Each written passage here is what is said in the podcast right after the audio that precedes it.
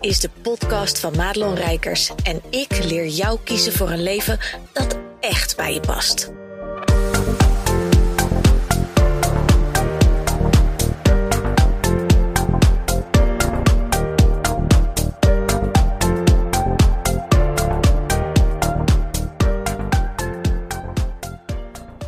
Ja, goed dat je luistert naar deze podcast. En ik sta dus serieus op de parkeerplaats van de plaatselijke Jumbo bij mij in de buurt. En in de buurt is een dorpje verderop in Wolvenga. Al waar ik dus sta te wachten op de fucking ANWB. eh, omdat mijn auto heel raar deed. Want ik was tussen het werk door, dacht ik, ik ga even gaan boodschap doen. En ik wilde een lekker lunchje halen. En ik hoorde iemand op de radio onderweg hier naartoe dus zeggen over een broodje braadworst. En toen dacht ik, oh, ja.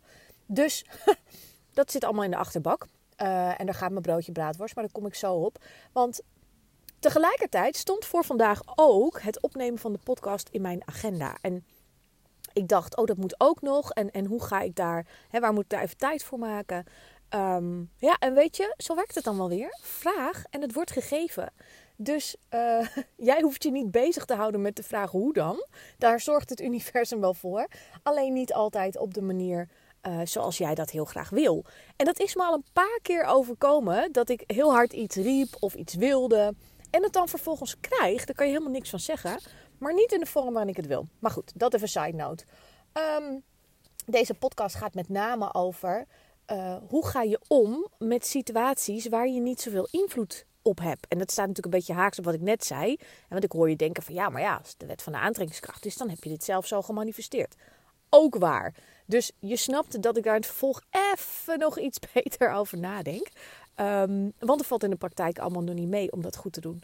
Maar ergens mee dealen wat je gegeven krijgt, dat kun je op heel veel verschillende manieren doen. En mogelijk raak ik hier bij jou een irritatiepunt. Uh, want er zijn heel veel mensen die natuurlijk leven in het, in het hele standpunt dat het leven niet maakbaar is. En ik zal je zeggen dat dat echt wel meevalt. Want het is natuurlijk wel, hoe ga je met iets om? Er, ze kunnen je van alles aandoen, je kan gepest worden op school, et cetera. Maar in hoeverre je het je raakt, um, dat maakt of jij... Um, ik stond dus even te kijken, want er zitten allemaal mensen raar te doen hier op die kruising. Maar dat bepaal je zelf. Weet je, en daar gaan mensen natuurlijk altijd een beetje los. Dat ze zeggen, ja, maar ja, dat kan ik toch niet aan mezelf bepalen. Maar dat is niet helemaal waar. En vandaag is daar dus een heel mooi voorbeeld voor. En ergens ben ik dus ook wel weer dankbaar dat mij dit gebeurt. Zodat ik jou er weer mee kan helpen. En dat geeft mij tegelijkertijd, en dat is weer dan een beetje de selfish kant hiervan. Het gevoel dat dit allemaal niet voor niks is. En, en toch nog gebeurt met een reden. Want weet je, dit soort dingen, serieus waar. Normaal gesproken, dan wil je starten. Nou, de, ik weet niet, het was net alsof de accu een beetje leeg was. Wat helemaal niet kan. Um, en, en een heel eng, schrapend raar geluid onder die motorkap. Dat ik dacht, oké Rijkers, blijf daar maar even vanaf. Bel maar gewoon even de ANWB. Um, maar normaal gesproken schieten er meteen een aantal scenario's. Goed, verdorie. En dan sta ik hier, potverdomme, en ik moet wachten. En, en serieus, ik had natuurlijk onwijze zin in mijn broodje braadworst. En honger. Want ja, ik bedoel, op het moment dat ik dit opneem, het is nu tien voor één alweer. Dus dat dit allemaal gebeurde was half één. Um, ik had vriespul in de auto, want ik dacht ik neem even een rondje lekker kroketten mee, weet je wel, voor thuis op brood te doen uh, met de jongens tijdens dat hele thuisschoolgebeuren. En even niet in de laatste plaats dat je dat geluid hoort en tegelijkertijd je spaarrekening hoort janken, omdat je weet dat je hier niet met drie knaken vanaf gaat komen. Dat uh, is gewoon hoe het is. En dat had ik natuurlijk allemaal kunnen doen, maar dat maakt die anderhalf uur die ze nu voorspiegelen, wat in de praktijk natuurlijk ook wel weer drie, vier, vijf uur kan worden.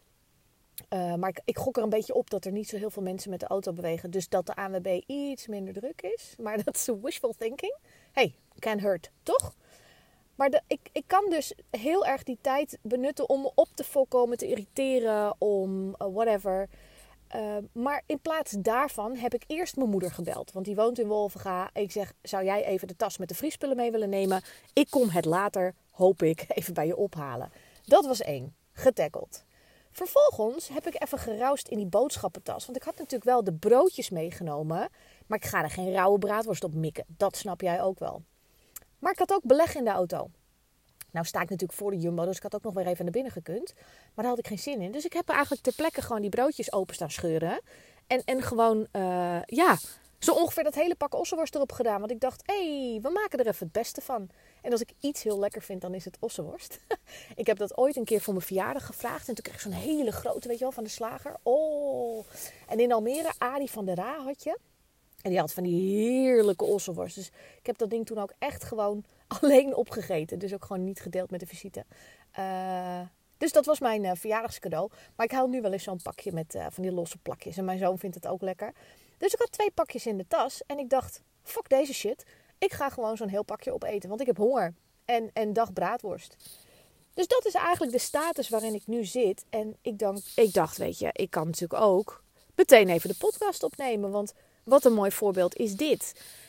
En misschien denk je, je bent nu echt helemaal gek geworden, Rijkers. En dat zou je kunnen denken, maar ik kom deze tijd dus op een fijne manier door. Althans, zo fijn mogelijk. Want er zijn wel minstens honderd andere dingen die ik liever had willen doen met deze middag. Maar die heb ik niet in de hand. Want ik sta hier met een auto waarvan ik nog niet weet of die kapot is. Of dat het gewoon een, een, een storing is of whatever. Daar mag degene die daar weer voor geleerd heeft naar kijken straks. Maar het neemt niet weg dat ik hier gewoon mee moet dealen. En dit is even mijn manier hoe ik dat nu doe. En weet dat ik dit een paar jaar geleden echt niet. En ik, en ik durf zelfs te stellen dat het uh, vorig jaar, een anderhalf jaar geleden, dat ik er ook niet op deze manier mee om was gegaan. Dat ik ook met een hoge ademhaling, vreselijk geïrriteerd, waarschijnlijk iedereen die ik ken was gaan bellen om even te klagen over hoe kut dit is.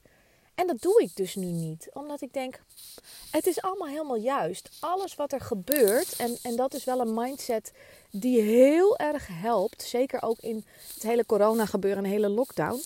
Um, alles gebeurt voor jou en niet tegen jou. En op het moment dat je dat, dat je die gedachte er steeds bij kunt halen en dat echt oprecht ook durft te geloven. En dat is wel even een dingetje hoor, want het gaat natuurlijk niet. We zijn, we zijn daar vaak te nuchter voor, als, zeker als Hollanders. Uh, maar ook als mens, om te snappen dat, dat er niks tegen jou gebeurt. Dus dat er altijd voor jou gezorgd wordt, dat alles goed komt. Um, en als je dat dus durft te omarmen, dan wordt je leven gewoon een stuk fijner. En dat wil dus niet zeggen dat deze dingen niet meer gebeuren. Dat wil niet zeggen dat corona dan verdwijnt. Dat wil niet zeggen dat er niemand meer doodgaat, ziek wordt of, of, of relaties stuk gaan. Of ja, wat voor vreselijke ellende je maar kan verzinnen. Maar dat wat er wel gaat gebeuren is dat jouw leven er anders uit gaat zien in de basis al. Hoe jij het überhaupt al beleeft.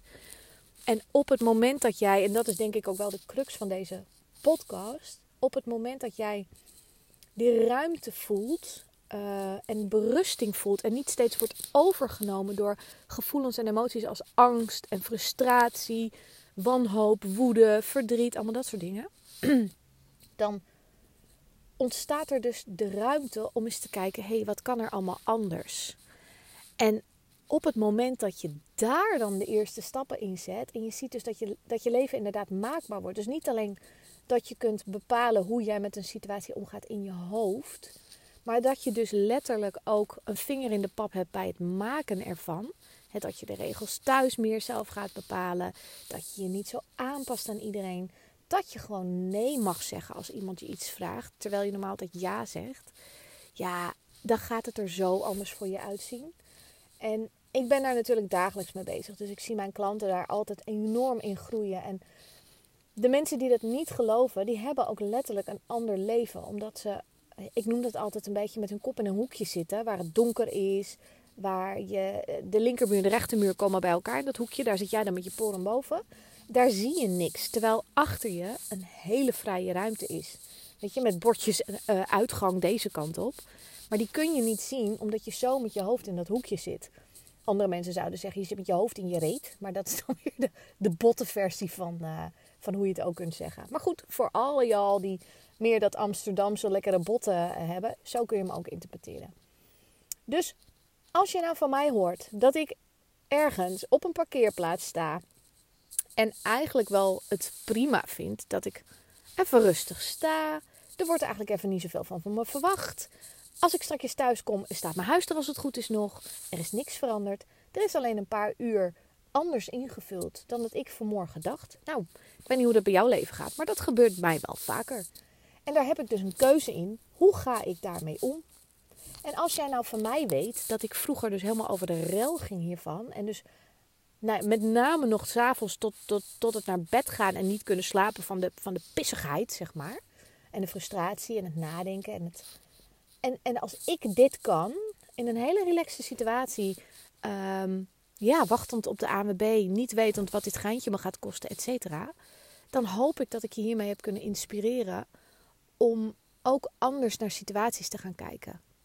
En mijn coach, ik zit bij Sus, en Sus die leert ons altijd heel erg, wat is hier juist aan?